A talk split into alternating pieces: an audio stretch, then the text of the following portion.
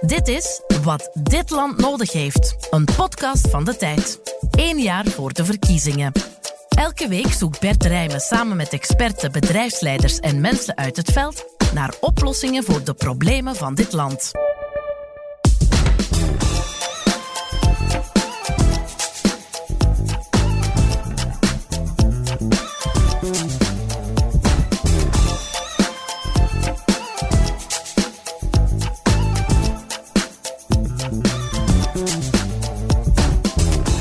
Welkom bij Wat dit land nodig heeft, een podcast van de tijd waarin we je in vijf afleveringen vertellen wat dit land nodig heeft. Eén jaar voor de verkiezingen.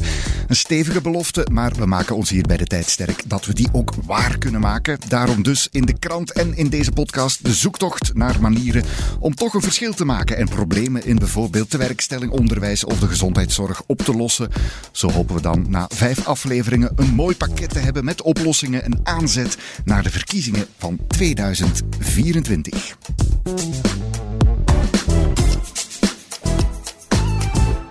En die zoektocht naar oplossingen, die onderneem ik niet alleen. Ik heb ook telkens twee gasten om mee te debatteren en zo goed scherp af te lijnen wat de problemen zijn en hoe we die kunnen oplossen. Vandaag zijn dat Miranda Ures, algemeen secretaris van het ABVV, de Socialistische Vakbond. Welkom. Hallo. Mag ik Miranda zeggen? Tuurlijk. En aan de andere kant van de tafel zit Yves Marks, professor Sociaal-Economisch Beleid, zeg ik toch goed, van de Universiteit Antwerpen. Dag professor. Goedemiddag. Mag ik uh, Yves zeggen? Tuurlijk. Ja, oké. Okay. Uh, dan is dat probleem al uh, opgelost om mee te beginnen. naast mijn twee gasten zijn de vaste onderdelen van deze podcast ook de vraag: hoe zit het nu? Daarin komt de chef politiek en economie van de tijd, Jasper Doren, aan het woord. Die zegt hoe de zaken ervoor staan. En aan het einde van elke aflevering is er de algemeen hoofdredacteur Isabel Alberts van de Tijd en Leco om in het laatste woord haar opinie te geven. Laten we eraan beginnen. Het onderwerp voor deze aflevering is dus werk. Hoe kunnen we ervoor zorgen dat er genoeg mensen aan de slag zijn? Dit is Jasper Door.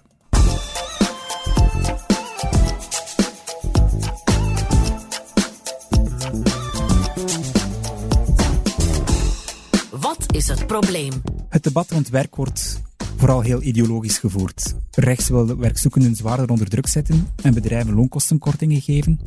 Links kijkt vooral naar de bedrijven zelf. Iedereen zal uit de loopgraven moeten komen. Hoe flexibel willen we onze arbeidsmarkt hebben? Wat is een passend activeringsbeleid?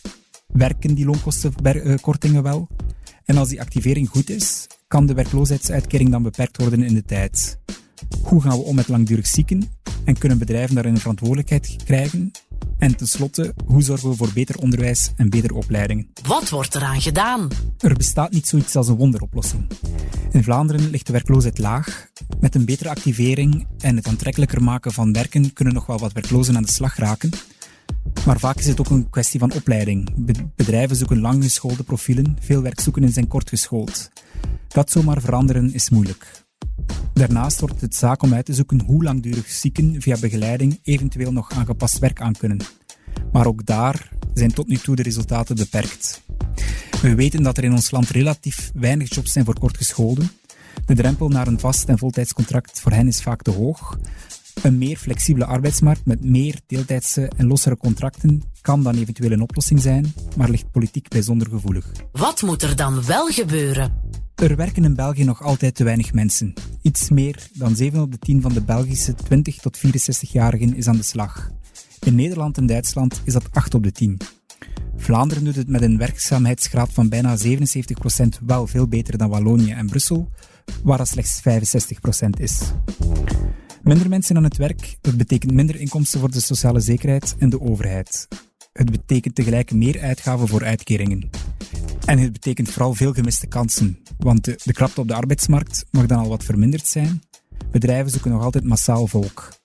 Mensen die niet werken lopen bovendien ook nog eens een groter risico om in de armoede te moeten leven. Voilà, de positie is uh, ingenomen. Of Jasper heeft toch uitgelegd hoe dat uh, probleem er ongeveer uh, uitziet en, en ja, wat misschien al oplossingen zijn. Um, laten we daar eens op ingaan hier met z'n drieën. Er zijn te weinig uh, mensen aan het werk om dat fantastische sociaal systeem dat we hebben en dat we met z'n allen toch graag willen behouden, om dat te blijven financieren. Moeten we er volop op inzetten? En daarmee zou ik naar jou willen komen om te beginnen, Miranda, om ja, zoveel mogelijk mensen ook aan de slag te krijgen. Is dat een, een juiste uh, doelstelling? We zijn er in ieder geval voorstander van om ervoor te zorgen dat iemand een goede job heeft. Wat betekent een goede job? goede arbeids- en loonsvoorwaarden. Mhm. En daar zie je al, daar begint het al het eerste mee. Uh, wij pleiten er echt wel heel fel voor om een betere verloning te kunnen organiseren en te kunnen onderhandelen. Mhm. En dus als je dan een betere verloning kan afspreken, dat betekent dan ook dat je um, niet alleen op koopkracht inzet, maar ook op bruto loonsverhogingen, waarmee dat je de sociale zekerheid financiert. Iets wat toch wel, zeker sinds de COVID-crisis, uh, echt wel een uh, probleem is. Want we zien dat het de sociale zekerheid veel ondersteund heeft. We zien ook dat er minder al voordien werd geïnvesteerd. Dus we denken dat het toch wel hoog tijd is dat we opnieuw in die sociale zekerheid gaan financieren. Dus dat is voor jullie de belangrijkste factor om ja, die mensen die nu nog niet in een job zitten, om die tot daar te krijgen? Alleen ja, met, met beter verloning? Het is een, een genuanceerd uh, een genuanceerde doelstelling, mm -hmm. doelstelling, zal ik maar zeggen. Een genuanceerde aanpak in die zin van een goede job betekent een goede verloning. Dus daar is belangrijk dat we kunnen dat recht hebben op die collectieve onderhandeling voor bruto lonen. Mm -hmm. Maar dat betekent ook dat de arbeidsvoorwaarden goed omkaderd zijn. En wat zien we nu? Is dat het hoog aantal langdurig zieken toch wel heel hoog ligt. Hè? Bijna een half miljoen. Waardoor dat wij ook pleiten om betere arbeidsvoorwaarden af te spreken. En we zien dat het eigenlijk niet alleen aan werkzaamheidsbelang uh, is of de werkzaamheidsgraad belangrijk is, maar vooral de werkbaarheidsgraad. En dan kan je verwijzen naar de werkbaarheidsmonitor uh, van de SERF mm -hmm. in Vlaanderen. Dus we zien toch wel dat er heel veel druk ligt op degenen die aan het werk zijn. Ja, uh, Yves, daarmee zou ik naar jou willen komen. Uh, eigenlijk wat ik bij Miranda hoor is, ja, er moet vooral ervoor gezorgd, werden, gezorgd worden dat er ja, goede, interessante jobs zijn. En dan gaan de mensen daar wel vanzelf naartoe komen. Ja, dat klopt natuurlijk. Hè. Mensen, mensen aan het werk zetten is geen doel op zich. Mm -hmm. Het moet een bloeiende, gezonde welvaartsstaat, die heeft mensen nodig die daarvoor betalen. Jongeren gaan langer naar school, studeren langer, dat is goed. Er komen meer en meer gepensioneerden bij. Hè? De bevolking veroudert. Mm -hmm. Ja, en daar moet voor betaald worden. Uh, we moeten onderwijs financieren, we moeten gezondheidszorg financieren, we moeten de pensioenen financieren. We moeten mensen die niet aan de slag zijn, die moeten we ook helpen. Dus een gezonde verhouding tussen mensen die bijdragen en mensen die op een bepaald moment van hun leven hè, uh, krijgen, mm -hmm. dat is echt uh, essentieel. En daarom hebben we een gezonde uh, verhouding nodig. En dus wij scoren daar vrij laag. Ja, we België weten, doet dat niet België goed, is ja. een van die landen waar die tewerkstellingsgraad relatief laag ligt. Um, er zijn grote verschillen. Het is al aange, aangestipt. Vlaanderen doet het beter. Mm -hmm. En als we eigenlijk dat zouden omrekenen in arbeidsvolume, dan, uh, dan scoren we eigenlijk nog niet zo heel slecht. Dan bedoel je het aantal uren, zeg maar, dat er het door aantal iemand... uren. Ja. Dus het is niet dat er te weinig gewerkt wordt. Het grote probleem is dat we een te grote tweedeling kennen tussen mensen die aan de slag zijn. En in België betekent aan de slag zijn vaak een behoorlijk stabiele job hebben, mm -hmm. met goede arbeidsvoorwaarden, met goede sociale rechten. Maar er is ook een groep van mensen die helemaal buiten de boot vallen. He, ook mensen op actieve leeftijd. He, dat, voor jongeren en, en, ouderen, die moeten niet werken. Maar er is ook een grote groep van mensen die op actieve leeftijd zijn, die willen werken, die kunnen werken, en die helemaal niet aan de bak komen. En die tweedeling die moeten we uh, weten te doorbreken. Niet alleen om budgettaire redenen, maar ook omdat dat beter is voor die, voor die mensen. He, we moeten, ja, die mensen hebben vaak... Die en waarom willen... slagen we daar dan niet in? Wel, er zijn heel diverse problemen. Dus het, het, is heel moeilijk over dat gegeven in zijn algemeenheid te spreken. Want als we kijken naar de mensen die niet werken, dat is een diverse groep. Deels zijn dat jongeren, die, die zijn studeren. Die mm -hmm. vallen ook onder ja. die 20 tot 64-jarigen. Geen probleem. Maar dan zijn er ook mensen die vervroegd uittreden. Uh, die, die eigenlijk nog wel kunnen werken en misschien nog wel willen werken. Um, dat is een, een groter probleem. Dan zijn er mensen die ziek zijn geworden. Ja, we hebben een half miljoen uh, langdurig zieken. Het is verdubbeld over tien jaar tijd. Groot probleem. Maar dat vraagt een heel andere set van oplossingen dan ouderen langer aan de slag krijgen. Dat gaat over, dus deels hangt dat samen, dat gaat over werkbaarheid van werk. Er zijn mensen die helemaal niet participeren, die nog altijd thuis blijven, die ook niet ingeschreven zijn bij de VDAB, de zogenaamde huismannen en vooral huisvrouwen. En dat vraagt ook weer een andere set van oplossingen. Dus ik zou graag willen dat ik het eh, even in een minuut, in een soundbite kon, kon, kon, kon uh, voorstellen, maar, maar zo, werkt het, zo werkt het helaas niet. Ja. Zo simpel is dat inderdaad niet. Uh, Miranda, e-, even naar jou. Hoe kijk jij daar tegenaan? Waarom lukt ons dat niet? Ik denk dat het vooral belangrijk is dat de drempels naar een goede job worden weggewerkt. En wat zijn de drempels naar een goede job? Is inderdaad een goede verloning. Hè? Mhm. Is bijvoorbeeld ook ervoor zorgen dat je flankerend beleid er is. Wat betekent dat? Zorgen dat er een mogelijkheid is om van je thuis naar het werk te gaan. Want niet iedereen heeft de luxe, ik ga het even luxe heten, hoewel het ook heel moeilijk is qua werkbaarheid van het werk, van het telewerk. Dus dan moet je zorgen dat je naar het werk gaat. Dan heb je of openbaar vervoer nodig, of toegang om zelf privévervoer te hebben. Kan je dat niet betalen? Is je loon te laag? Heb je een probleem? Waar is het er ook bijvoorbeeld problemen? Is dat we zien bij de jongeren, is dat de contracten interimcontracten zijn, uitzendcontracten, interimcontracten, contracten van bepaalde duur, waardoor je uit de statistieken van de langdurig werklozen natuurlijk niet verdwijnt als je niet lang genoeg kan werken.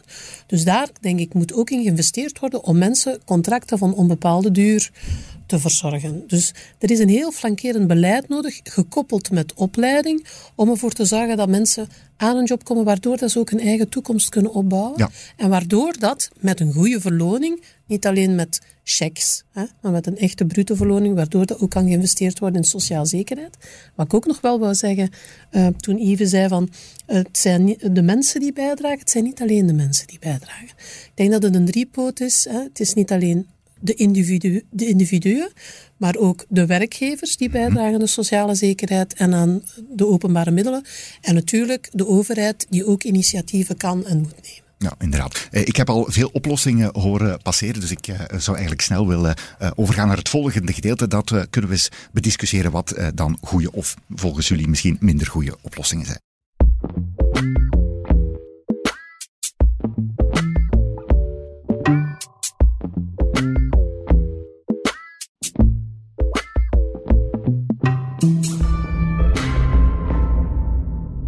Daar zou ik willen beginnen met Yves uh, deze keer. Um, Miranda heeft het al aangehaald, de, de jobs. Uh, het moeten vooral goede jobs zijn die goed betaald moeten worden.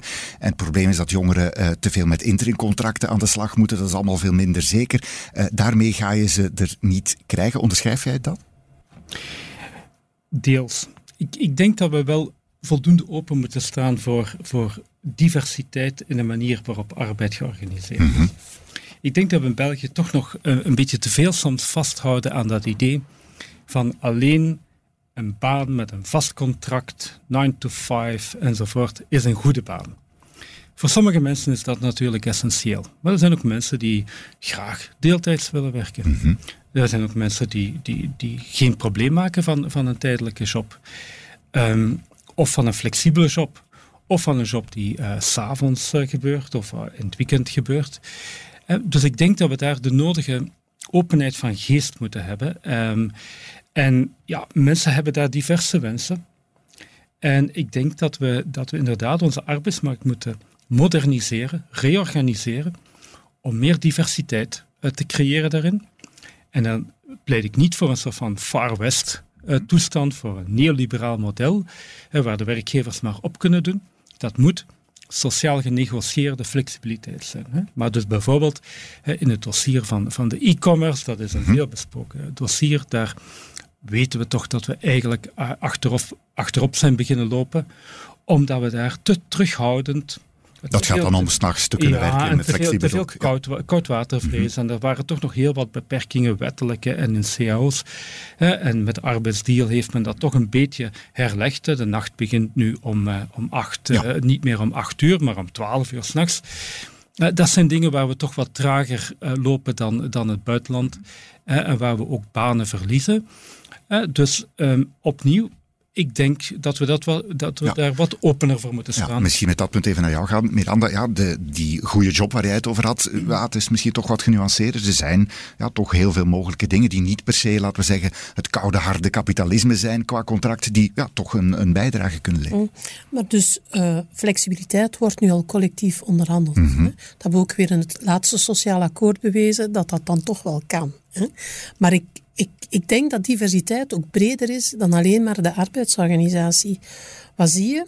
Mensen van mijn leeftijd, 50 plus, krijgen op de arbeidsmarkt minder kansen. Mhm. Gaat dat nu ook uh, weer opnieuw vast moeten vaststellen, jammer genoeg, bij ontslagen die er misschien zitten aan te komen, hoe moeilijk het is om dan nog een job te vinden. Dus er is een verantwoordelijkheid ook bij de werkgevers om daar actief beleid in te voeren om ervoor te zorgen dat er diversiteit op de werkvloer is.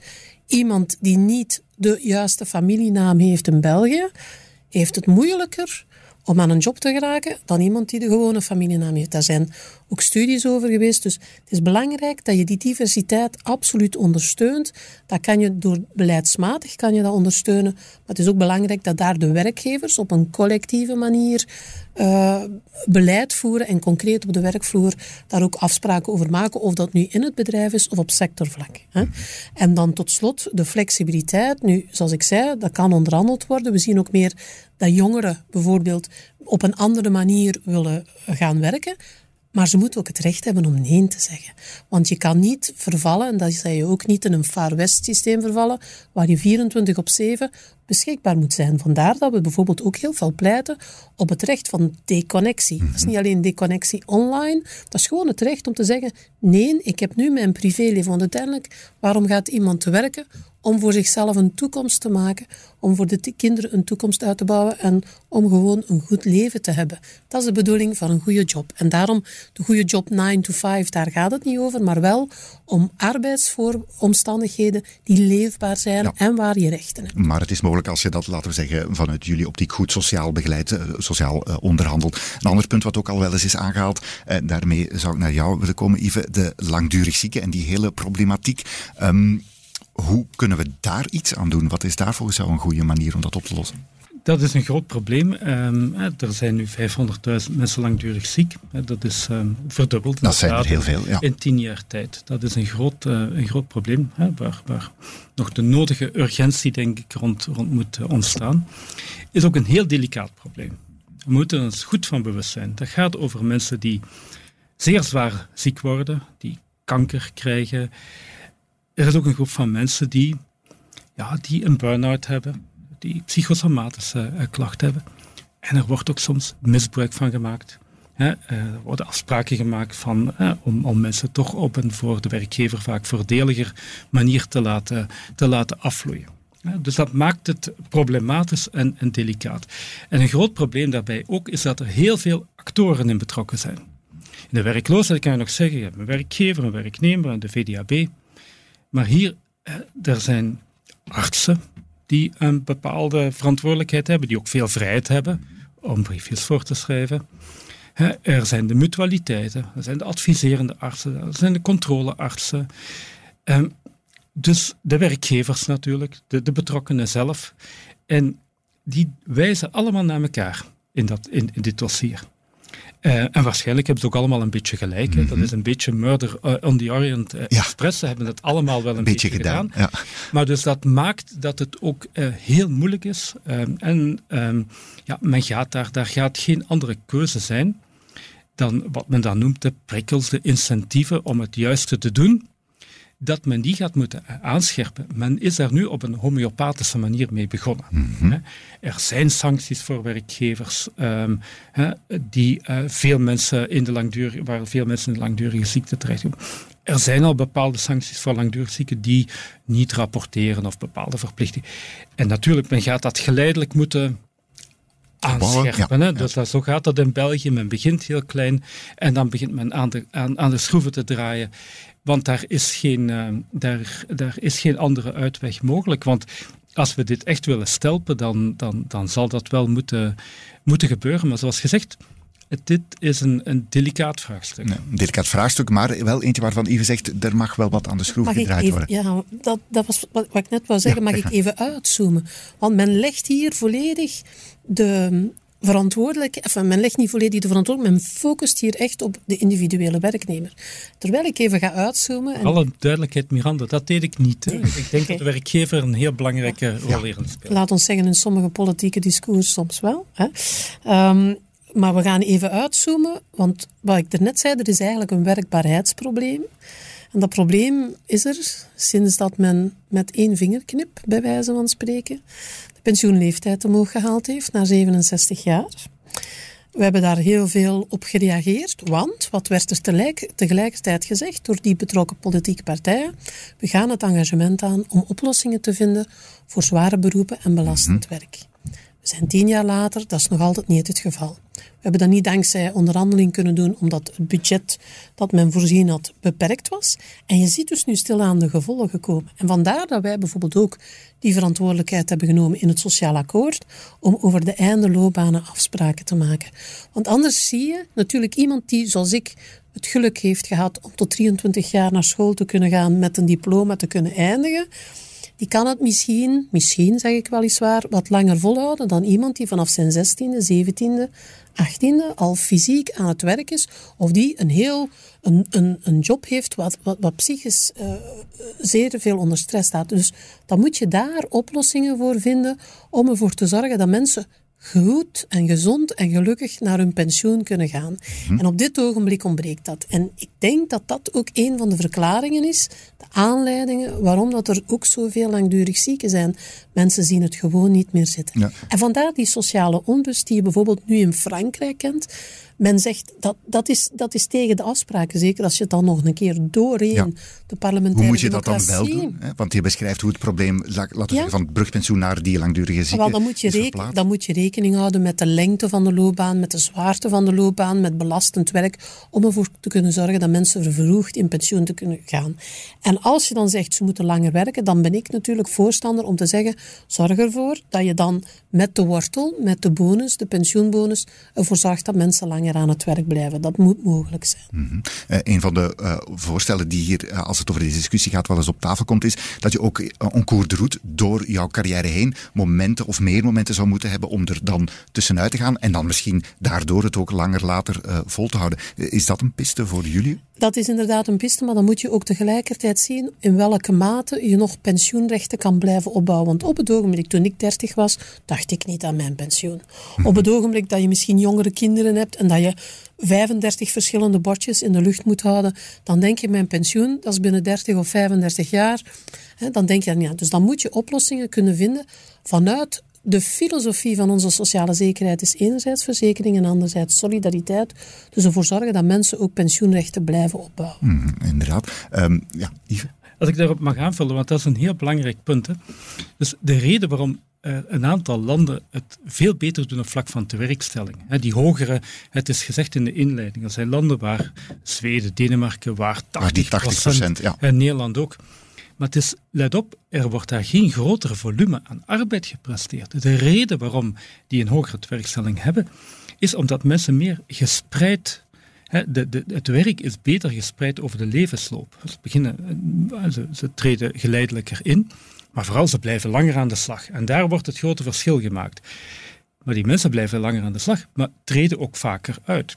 Het is in Scandinavische landen perfect normaal om een jaar vaderschap, uh, vaderschapsverlof of ouderschapsverlof te nemen, zelfs meerdere keren. en, dus dat is en dat is natuurlijk het model waar we naartoe moeten. De reden dat onze werkzaamheidsgraad zo laag is, is omdat we, ja, we treden laat in en we, en we gaan verlaten. En, en in die tussentijd werken we ons, ik ga niet zeggen dood, maar worden we, werken we heel hard. Ja, en dan wordt de einde, einde loopbaan wordt dan ook problematisch. En dan hè, na, eh, tegen de 60 zijn mensen echt moe en echt, ja.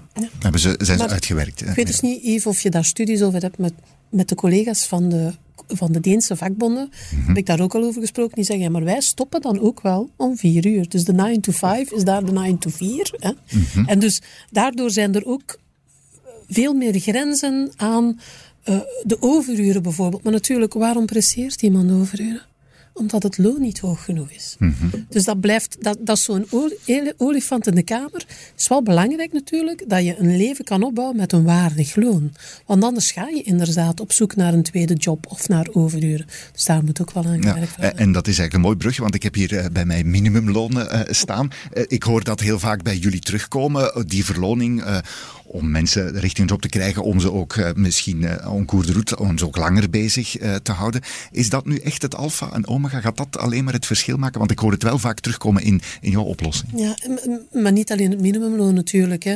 Ook afspraken maken qua sectorlonen, mm -hmm. zodat je niet de concurrentie hebt tussen de mensen in dezelfde sector. Maar bijvoorbeeld in Denemarken hebben ze een zeer hoog minimumloon. Hè. Dus je ziet waar dat je collectieve afspraken kan onderhandelen en, en, en maken en die dan ook gerespecteerd worden uh, door de overheid, dat je inderdaad ziet dat er minder werkende armen zijn en dat mensen het over het algemeen beter hebben en dat er een betere verdeling is van de welvaart die we samen toch wel altijd allemaal maken. Ja, daarmee kom ik toch nog even naar jou, Even Die lonen, verloning beter, de minimumlonen enerzijds, maar ook uh, ja, uh, het Deense voorbeeld dan, om het met ja. Miranda te zeggen. Wij verschillen niet sterk van, van Denemarken op vlak van lonen. Wij hebben weinig, relatief weinig laagbetaalde mm -hmm. mensen. Denemarken heeft zelfs geen minimumloon. Uh, die, hebben, die hebben alleen maar cao-lonen en die liggen behoorlijk hoog en daarom zijn er uh, relatief weinig laagbetaalde mensen. En bij ons is dat uh, net zo. Um, maar natuurlijk, mensen moeten ook netto voldoende overhouden. En dat is ons groter probleem, denk ik. Ja, de belasting inderdaad, daar kunnen we een heel aparte podcastreeks misschien nog wel over uh, opzetten. Um, ik zou nu even willen schakelen naar het volgende onderdeel. Wat moet de politiek doen?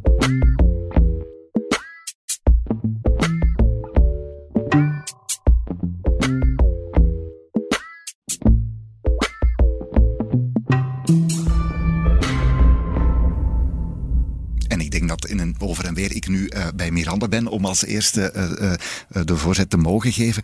Um, voor die volgende regering of in die kiescampagne, wat, wat moet daar het, het kernpunt zijn? Welke concrete maatregelen bedoel ik dan, zouden ze in eerste instantie moeten nemen om, laten we zeggen, de problemen die we besproken hebben ook goed op te lossen? Mm. Dus uh, zeker drie dingen. Eén, mm -hmm. wat scheef gegaan is in de voorbije periode recht trekken. Dat betekent heel concreet zorgen dat wij dat recht hebben op die collectieve loonsonderhandelingen. Mm -hmm. En dan heb je al veel meer sociale vrede en dan doen wij onze job en dan moet de politiek daar niet mee bezig zijn. Twee, zorgen dat die scheeftrekking naar die 67 jaar ook wordt rechtgezet. Dat heb ik daarnet mm al aangehaald.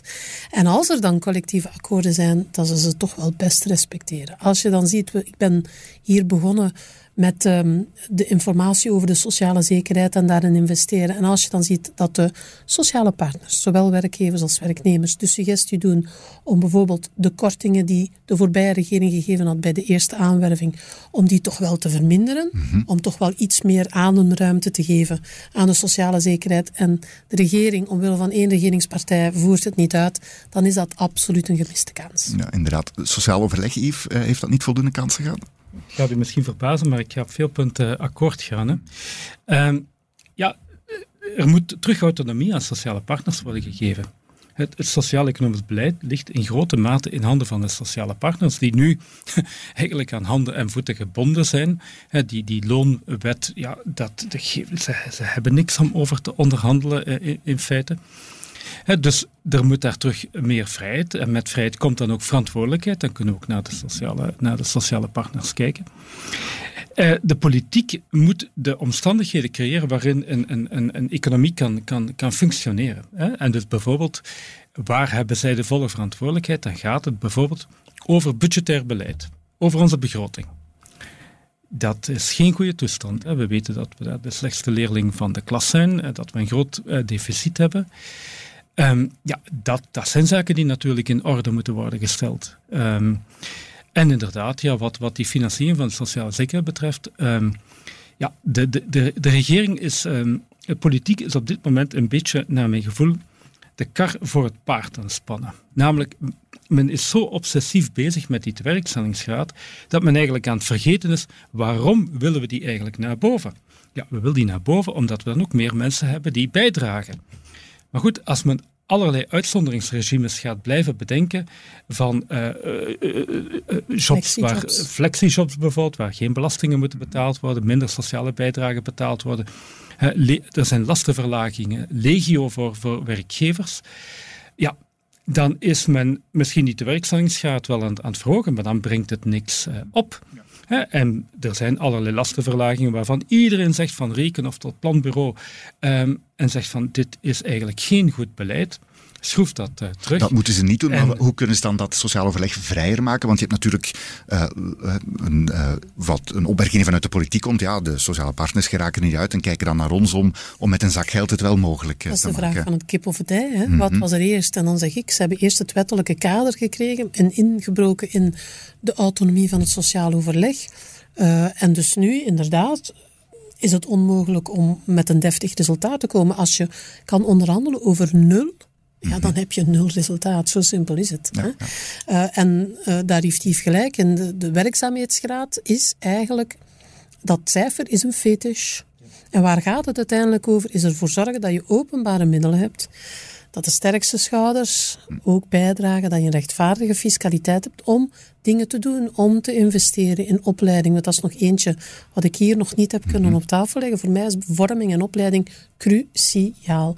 Is dat voor gelijk welk beroep? Dat is absoluut belangrijk, maar gedurende de hele levenslang leren, dat is absoluut belangrijk. En daar kan dus de overheid en ook de werkgevers kunnen daar uh, initiatieven nemen. Maar dan heb je natuurlijk van overheidsmaat heb je geld nodig, heb openbare middelen nodig, fiscaliteit.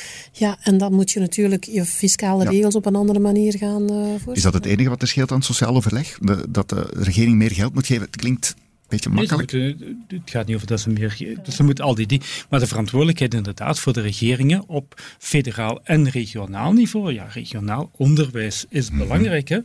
Dat, dat is onze grondstof, daar draait onze economie op. Dat creëert werk.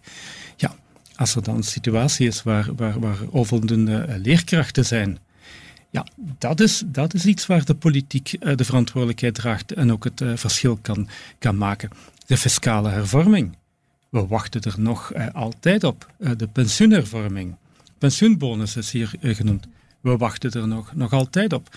Dus er ligt daar nog een hele agenda voor de politiek. Beetje over die financiering gehad en uh, over die problematiek. Uh, nog even over die langdurig zieken, omdat we dat toch ook aangegeven hebben of uh, hebben aangeduid als iets wat een, een, een, groot probleem is. Hoe kunnen ze daar concreet iets aan doen? Wat zou volgens jou een goede oplossing zijn om, om daar echt een verschil te maken? Zoals gezegd, gegeven dat er daar zoveel actoren zijn, Um, en dat ook een delicaat probleem is, moet men daar aan verschillende knoppen tegelijkertijd draaien. Dus er is geen, geen wonderoplossing mm voor.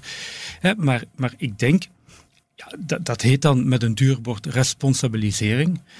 en, en ja, dat, ik, bijvoorbeeld wat de werkgevers betreft, um, ik denk dat, de, dat de, wat we weten uit de buitenlandse ervaring, ook uit de Nederlandse ervaring, dat daar eh, ook wel een belangrijke... Het is nu te makkelijk voor een Belgische werkgever om iemand ja, te na, na, in dat systeem eh, men onder moet, moet nog iemand een maand doorbetalen mhm. en dan komt hij in de sociale zekerheid terecht. Ja, dat maakt het natuurlijk wel een, een redelijk goedkoop... Uh, afvloeingskanaal. Mm Er is een reden waarom in Nederland de werkgever twee jaar verantwoordelijkheid heeft, heeft gegeven.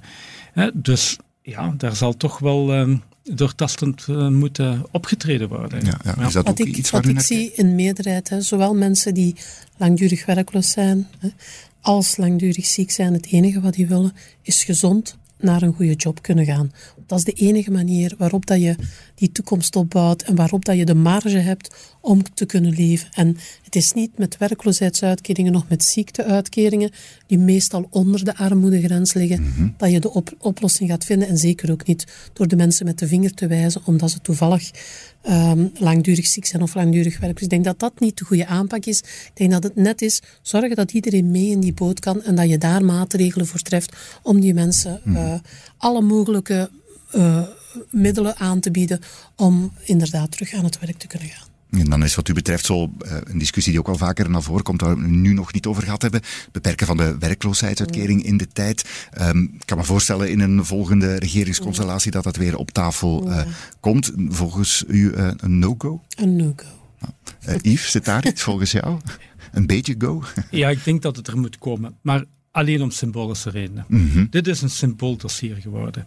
De, de werkloosheid, de, er is al een ontzettende afname geweest van het aantal werklozen. Men beseft niet goed dat de, dat de uitgaven voor werkloosheid in, in tien jaar tijd we geven nu drie keer minder uit aan de werkloosheid dan, dan, dan tien jaar geleden. Mhm. En het is al maar 10% van de uitgaven van de sociale en zekerheid. En het is ook, dus dat, dat is niet minder dan 1% van, van, van de BBP.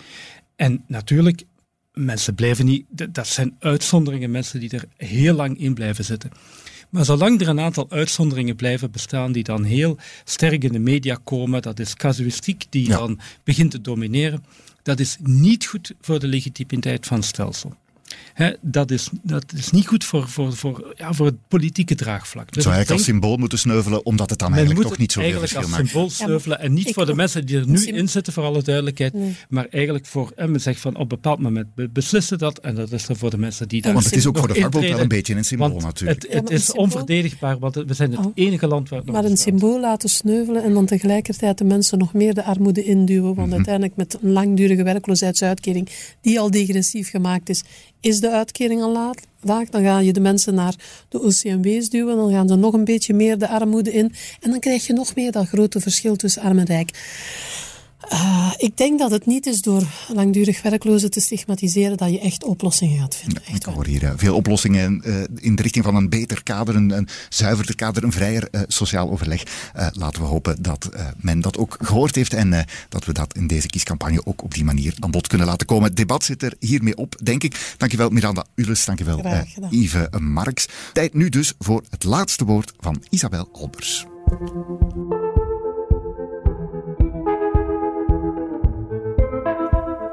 Het laatste woord.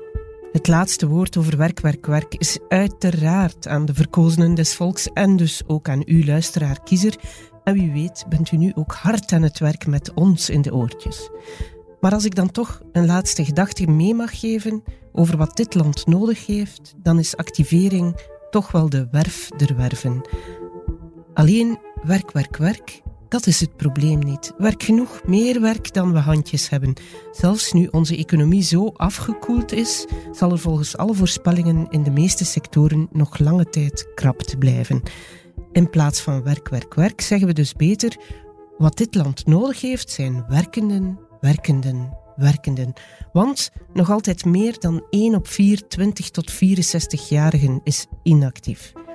Hoe krijgen we dat doel van die fameuze activeringsgraad van 80% dan echt gerealiseerd?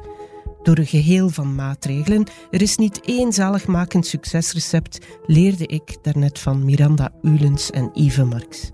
Maar er moeten ook enkele taboes op de schop. Ten eerste het algemene kader.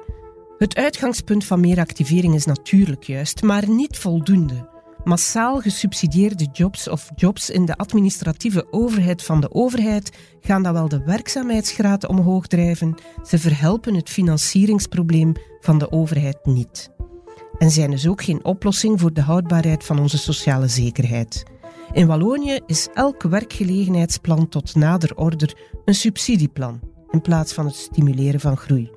Wat dit land nodig heeft, zijn meer werkenden in productieve jobs. Tweede taboe, de staatsstructuur. Ja, grote zucht. Toch niet weer een uitputtende ronde staatshervorming, terwijl we al zoveel sociaal-economische katten te geestelen hebben. Zoveel pogingen tot staatshervormingen gingen al over de arbeidsmarkt, maar telkens met een onaf resultaat. De VDAB is Vlaams, de sociale zekerheid en de werkloosheidsuitkeringen zijn federaal. Zolang we op die twee niveaus blijven hinken, neemt niemand de volle verantwoordelijkheid. Als we een beter arbeidsmarktbeleid willen, dan moeten die verantwoordelijkheden en de bevoegdheden toch homogener worden, zoals dat heet. Ten derde, het sociale vangnet is nog te vanzelfsprekend voor wie niet wil werken. Vloeken in de kerk. Maar in een gesprek met de tijd maakte Captain of Industry Ronnie Leten de vergelijking met Zweden aanbevolen leesvoer voor Miranda Ulens trouwens.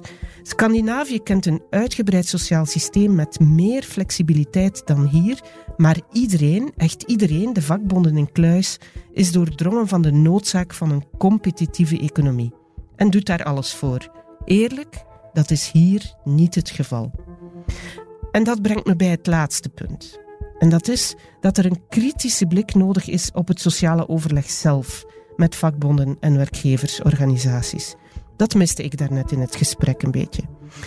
Dat Belgische overlegmodel met de sociale zekerheid, georganiseerd door werkgevers en vakbonden, dat is uitgewoond. Grote beslissingen worden daar al lang niet meer genomen. We hebben echt een andere organisatie van onze welvaartsstaat nodig. Terecht komen vakbonden op voor koopkracht en goede lonen. Maar ze zouden ook als eersten in de bres moeten springen voor werkenden, werkenden, werkenden. En in de praktijk staan we daar ver vanaf. En blijft dus ook die 80% activering een fata morgana. Werkenden, werkenden, werkenden. En iedereen, politiek, werkgevers, vakbonden, burgers, die zich daarachter schaart. Dat hebben we in dit land nodig.